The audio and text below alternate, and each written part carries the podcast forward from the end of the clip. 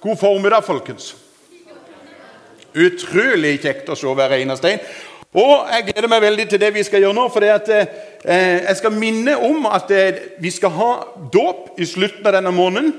Hvis du går rundt og tenker at det skulle vært, der skulle jeg vært med, jeg har ikke blitt døpt og jeg ønsker å bli døpt, så ta kontakt med meg etterpå. Og så er det noen som har sagt vi ønsker å bli medlem her i menigheten. Hvis det gjelder deg, så tar du kontakt. Og så er vi som sagt litt sånn privilegerte med at vi har en god del alle, alle konfirmantene er her akkurat i dag. Og så er det en del ekstra ungdommer som er her i dag. Det er Refocus-ungdommene, de som er her på fredag. Og De skal stelle i stand etterpå nede i kafeen. I dag skal du få lov til å betale for det du spiser. Og Så går det til ungdomsarbeidet, og vi skal selge lodd. Og de har spurt meg om jeg kan være loddtrekker. Og Det har jeg sagt med, med stor ære og glede jeg har sagt ja til. Så det blir veldig veldig bra. Men det kommer etterpå. Og Siden det er konfirmanter her i dag, og unge folk, så har jeg lyst til å nevne en historie. Og Jeg har ikke tenkt å lese hele historien, for den er ca. på en fem-seks-sju kapitler. og Det tar litt tid å lese alt. Men jeg har lyst til å hoppe inn i noe av fortellinga. For der kommer en fortelling, en beretning i Bibelen om en som det står spesifikt hvor gammel han er når det, dette begynner å skje. Det står at han er 17 år. Og det er noen av dere som er akkurat i den sjiktet der. På 17 år. Han er 17 år. Han har elleve brødre. Her er det produktive familieforhold. Han er nest minst. Og det interessante er at av de tolv ungene som han fyren som heter Jakob, har, så har han funnet ut at han vil favorisere Josef, som er 17 år. Altså, Det er ikke god barneoppdragelse. Altså, Hvis du har et favorittbarn, du som er pappa, det er ikke lurt. Men det har Jakob, og han gir Josef en utrolig deilig, stilig Kall det konfirmantdress. Altså, det er en sånn, en, sånn, en, skikkelig sånn en pragne konfirmant... Altså, hvis det er noen av disse konfirmantene kommer i sånn gulldress, så skjønner de at da har de tatt ut noe av denne talen. her. Altså, Han får en klede, en drakt, som er så mye finere enn alle de andre at det står rett ut at om ikke disse brødrene likte Josef fra før, så begynte de mer eller mindre å hate ham. Altså, det, han der, der, altså. Og så kommer det en situasjon der alle disse her er ute og gjeter sauene, dyrene sine. Og De er et ganske godt stykke. Det er sånn litt ned med Jerusalem og nesten opp til Nasaret. De har reist for å, gjete disse her. Og Så sier plutselig faren Jakob til Josef kan ikke du reise ut til disse brødrene dine og se til dem hvordan det går med dem? Jo, jo, jo. Josef med sin fineste drakt han spratt i vei, han. Og til slutt så finner han dem. Men det står altså, Da snakker de om hvor fine klær han går med. For det står allerede når han var langt unna, så så brødrene han. Og så bare meg som Der kommer den spradebassen. Han fyren som har gått rundt og snakka om at han har hatt noen drømmer. Altså, Det er ikke nok med at han er finkledd. Han går rundt og sier han har fått noen drømmer av Gud om at en dag så skal vi bøye oss for han. Altså, altså Du som har noen sånne småsøsken altså, Det er jo ingenting som er verre enn når småsøsken tror at de er noe her i livet. hæ? Og så Når de til og med sier vet du, du, du skal begynne å bøye deg for meg liksom, Da skjer det noe med disse guttene. Altså, De kjenner at det er sånn et hat inni dem. Men Josef han står fast på det. Han sier jeg har drømt det to ganger. At dere skal bøye dere for meg. Og Det sier du ikke uten at noen på en måte reagerer. Og de reagerer så kraftig at de finner ut vi tar livet av ham. Og Så er det en av brødrene som sier La, vi trenger jo ikke å drepe han kanskje, men vi kan hive han i en brønn. Så Idet han kommer, så røsker de av den fine klesdrakta, hiver han ned i en brønn som er tom for vann.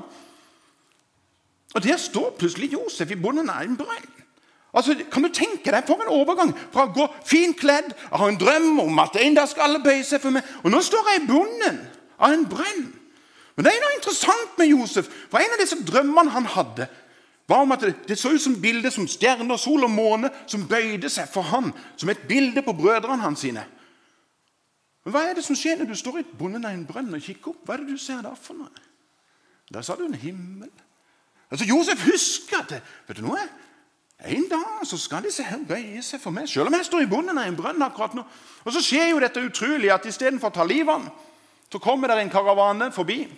Og så selger disse brødrene som slave. Altså Som ikke dagen din har vært dårlig i bunnen av en brønn, plutselig så går du bak etter en kamel. Og Hvis du har sett en kamel, så vet du hva som kommer ut bak etter en kamel. Og Det er ganske langt å gå fra nord i Israel og ned til Egypt, som han da reiser.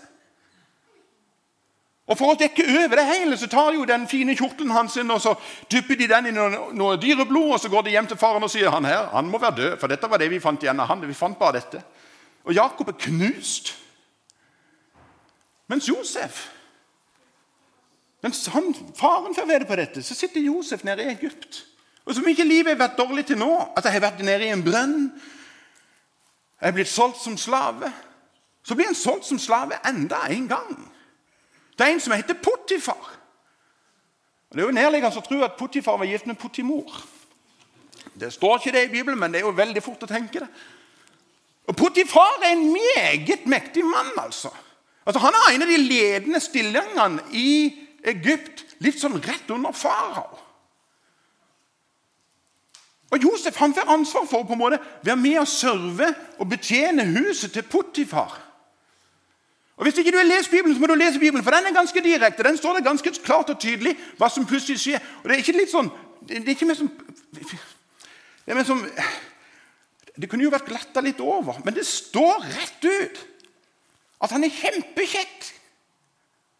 Og at Putti-mor Hun sier rett ut, hun, hun smisker ikke engang, hun sier rett til ham 'Kom og ligg med meg'. Det står i Bibelen. altså Ikke tør at pastoren lyver. Det står i Bibelen. Hun sier 'Kom og ligg med meg'. Og Josef nei, nei, nei. nei, nei. Altså, Ingen trenger å få vite på dette her. Det, det, det, fortsetter flere dager, så kommer hun bort til ham og sier 'Kom og ligg med meg'. Kom og, altså, Snakk om å på en måte bli innbydd inn i noe som du på en måte tenker dette trenger ingen å få vite noen ting på. Men det er noe i Josef. Altså, Jeg skulle likt å vite hvem som hadde konfirmantopplæringa med ham. For han hadde catcha et eller annet. Og han skjønner det at denne kortvarige nytelsen på tre minutter den er det ikke verd. Og Han sier nei, nei, nei, jeg vil ikke ha noe med dette her å gjøre. i det hele tatt. Han står under den fristelsen og så sier han, vet du, dette vil jeg ikke. Jeg vil ikke ha noe med det å gjøre.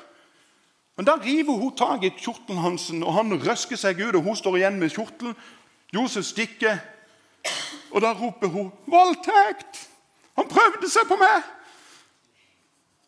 Og Da blir Potifar sur og hiver Josef i et fangehull. Altså Som ikke livet ditt har vært kjipt. Først blir du raska av den fine drakta di. Havner du i en brønn, så blir du solgt som slave først én gang og så en gang til. Og Så blir du beskyldt for noe du aldeles ikke har gjort i det hele tatt, og så sitter du til slutt i et fangehull. Men til og med der så står det plutselig at Josef fikk en særstilling i den fangehullet der.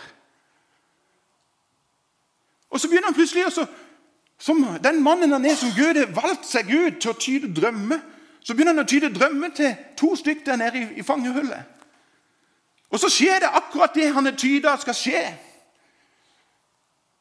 Og Når han ene da blir satt fri, så sier Josef til ham, 'Husk på meg, at jeg sitter her i dette fangehullet, og jeg har ikke gjort noe galt.' 'Du må snakke med farao og si det er noe feil her.' Og Så skjer jo det som av og til skjer med oss mannfolk. Han glemmer bort hele Josef. Og det er ikke snakk om bare en liten stund. Han glemmer Josef i to år. Det er sånne spørsmål som jeg har lyst til å stille dere. Har du noen gang kjent deg glemt av Gud eller mennesker? Har du noen gang kjent at livet har blitt litt sånn kjipt? Altså, Du tenkte at det skulle være veldig greit, og så har det kommet noen ting som har gjort at du har havna i et sånn fangenskap, eller du føler at det er fristelser hele tida som du bare vet ikke helt hvordan du nesten skal klare å holde unna. Eller du føler at du på en måte er blitt hevet ut i noe som kunne for vært en brønn, der du bare kjenner at vet du, nå, nå er jeg på en plass der jeg ikke skulle vært i det hele tatt. Jeg har en hilsen til deg, og jeg på en måte opplever at dette er noe som Gud må tydelig ha veldig behov for å si til noen akkurat her i dag. Og Jeg skal begrunne det, for det at tre ganger så står det noe om Josef.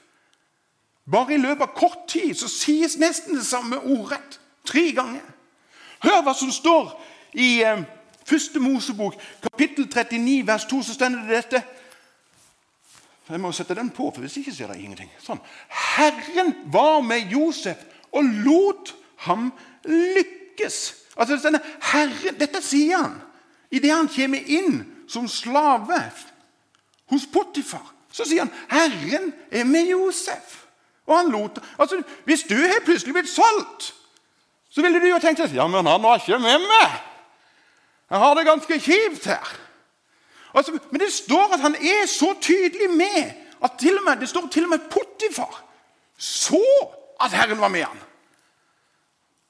Og når han havner i fangehull etter å ha stukket i strid fra Pottimor, så står det igjen at i, i 39,21 så stender det dette Men Herren var med Josef og viste ham godhet. altså fangebåter. Han lot ham finne god Nå er jeg på feil. Herre, og viste ham godhet. Han lot ham finne godvilje hos fengselsbestyreren. Altså, Herren var med Josef, og han viste ham godhet. Ja, men hvor er du, Gud? Han sitter i et fangehull. Altså Herren er med Josef. Vet du, Jeg har en hilsen til deg. Og vet du hva det er for noe? Og jeg synes det er så interessant. Når Gud ønsker å få fram et poeng, så bruker han av og til flere folk til å si det samme. I dag har han gjort det gjennom Tove med søndagsskolen. For hun sa egentlig akkurat det samme som dette. Herren er med deg. Jeg hadde ikke pratet med Tove. Jeg var ikke klar over at hun skulle si det. i det hele tatt. Men jeg, Gud har et sterkt behov til å si til deg akkurat i dag Jeg er med deg. Herren er med deg. Hørte du hva jeg sa? Herren, Gud den allmektige, han er med deg. Det er noen plasser i Bibelen det stender ganske sånn uttrykkelig. I Salme 23, som er en litt kjent salme, så stender det om jeg enn skulle vandre i dødsskyggens dal, så frykter jeg ingenting, for du er med meg. Det stender eh, Videre i Jesaja så stender det Så sier Han som er høy og opphøyd, Han som troner evig, den hellige er Hans navn. I det høye og hellige bor jeg. Og hos den som er eh, hos den som er knust og nedbøyd i ånden. Jeg vil gi ånden liv hos dem som er bøyd ned, gi hjertet liv hos dem som er knust. Om du sitter her eller om du sitter og lytter på dette på nettet og tenker ja, men Tore, Herren er med meg, jeg er ikke en kristen engang. Det har ikke noe med Jesus å gjøre. Vet du noe? For x antall år siden så var jeg òg her. Satt i en sånn sal som dette. Og var 100% overbevist om at det fins ingen Gud. Og jeg syntes det var interessant når de sa 'Gud er med deg'. Ja, Gud er med deg, ja, ja, ja, men Gud fins jo ikke. Vet du noe? Gud fins. Og om du tror det eller ei, så er han det inderlig. Han er kanskje mer nær deg enn noen andre. For den som er nedbøyd og knust, ønsker han å vekke til live. Sånn at du skal få lov til å erfare hva livet faktisk er. Jesus har jo til og med sagt det til oss som er disipler. så har han sagt Og jeg er med dere alle dager inn til verdens ende. Og jeg har lovt dere at jeg er med. Og Hvis du ikke du kjenner, så står han og inviterer deg akkurat i dag og så sier han, vet du noe, du kan få lov til å komme inn i mitt nærvær. Jesus sier om det er seg selv, så sier han jeg er veien. Hvis det er han er veien, da er alle andre veier feil vei. Jeg er sannhet. Ja, Hvis han er sannheten, da er alt annet usant. Jeg er livet. Det er han som er livet, med stor L. Og så står han og inviterer og sier kom inn i mitt nærvær, jeg er den nær. Herren er med deg. I den uka som er gått nå, så gjorde kona mi og meg noe interessant som ikke vi gjør veldig veldig ofte. For min del har jeg gjort det noen ganger før. Men for henne så var det nesten første gang. Og det var at eh, vi fikk oss progressive briller.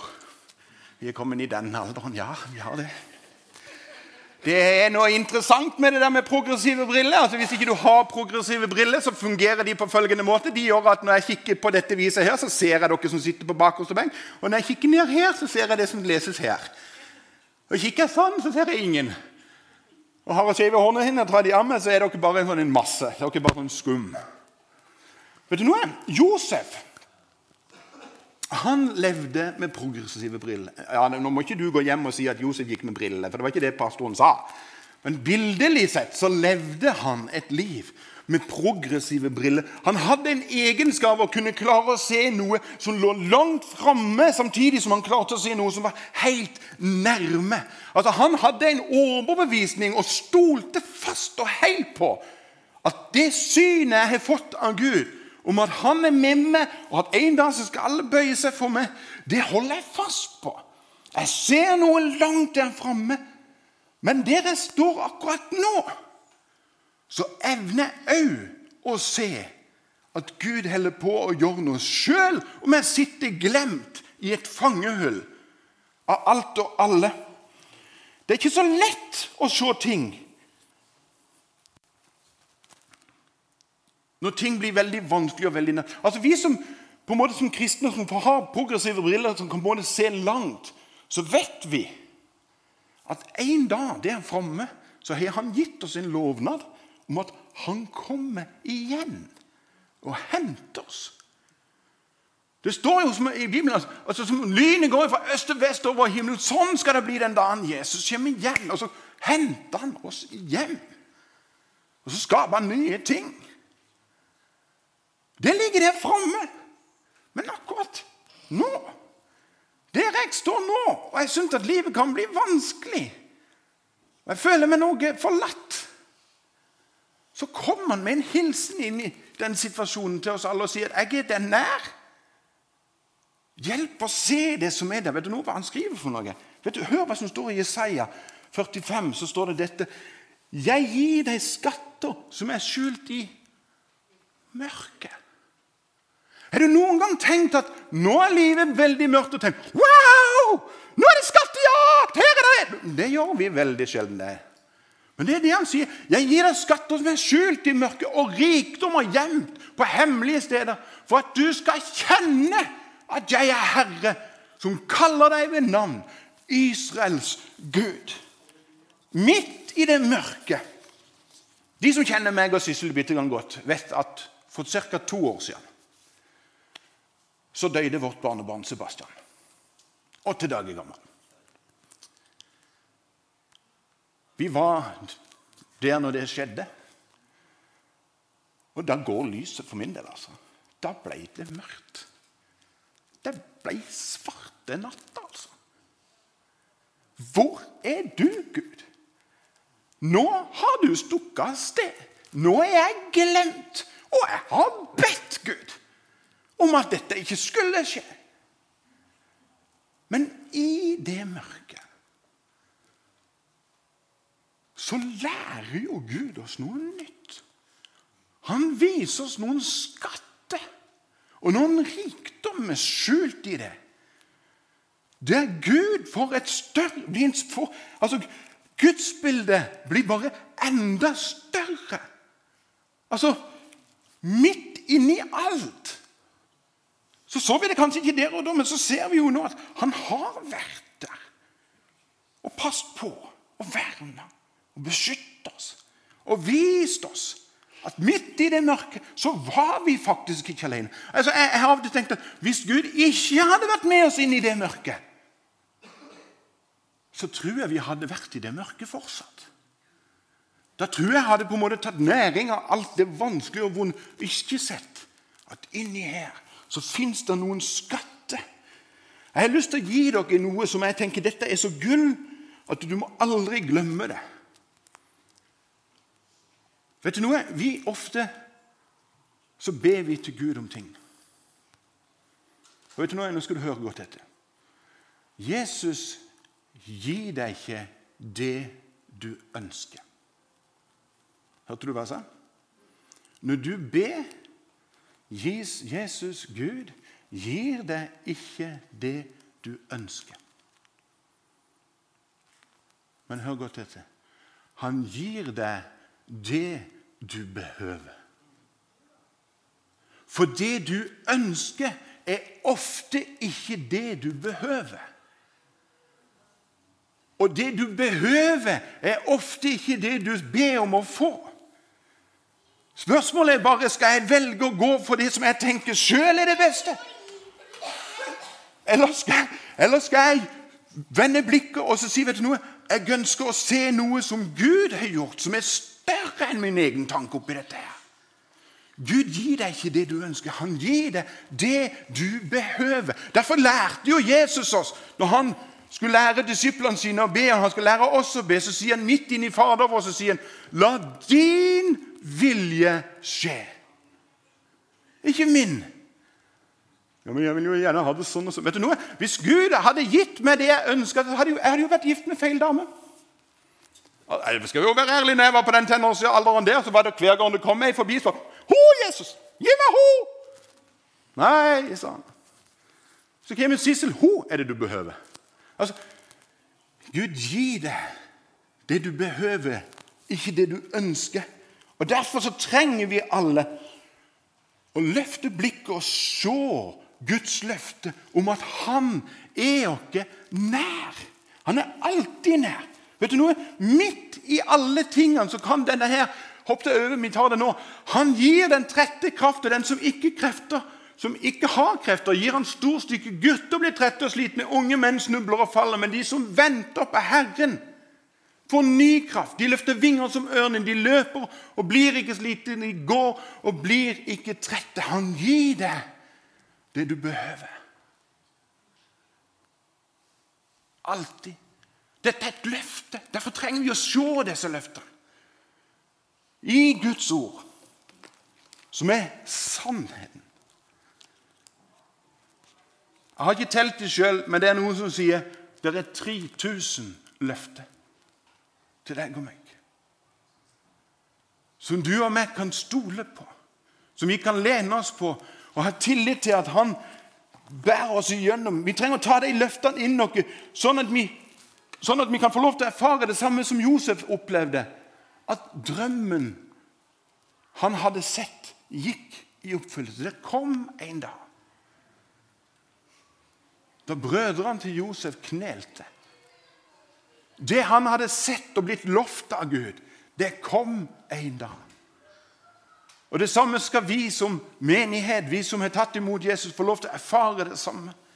At løftene hans sine om at han er med oss hver dag, og at en dag så tar han oss til seg, det er sannferdige løfter. Du og vi trenger å ha de løftene iboende i oss når vi kommer i vanskelige situasjoner. Sånn at vi aldri glemmer at Herren er med deg. Der du er i dag, så er Herren med deg. Skal vi be. Jesus, jeg takker deg for det at eh, du er oss inderlig nær. Takker deg for det at du har omsorg for oss. Og hjelp oss til å se deg. Òg når livet blir vanskelig og vi føler oss forlatt av både deg og andre mennesker. Hjelp oss til å se at du aldri har gått ifra oss. Hjelp oss til å se at du er oss nær. Det ber jeg om i Jesu navn. Amen.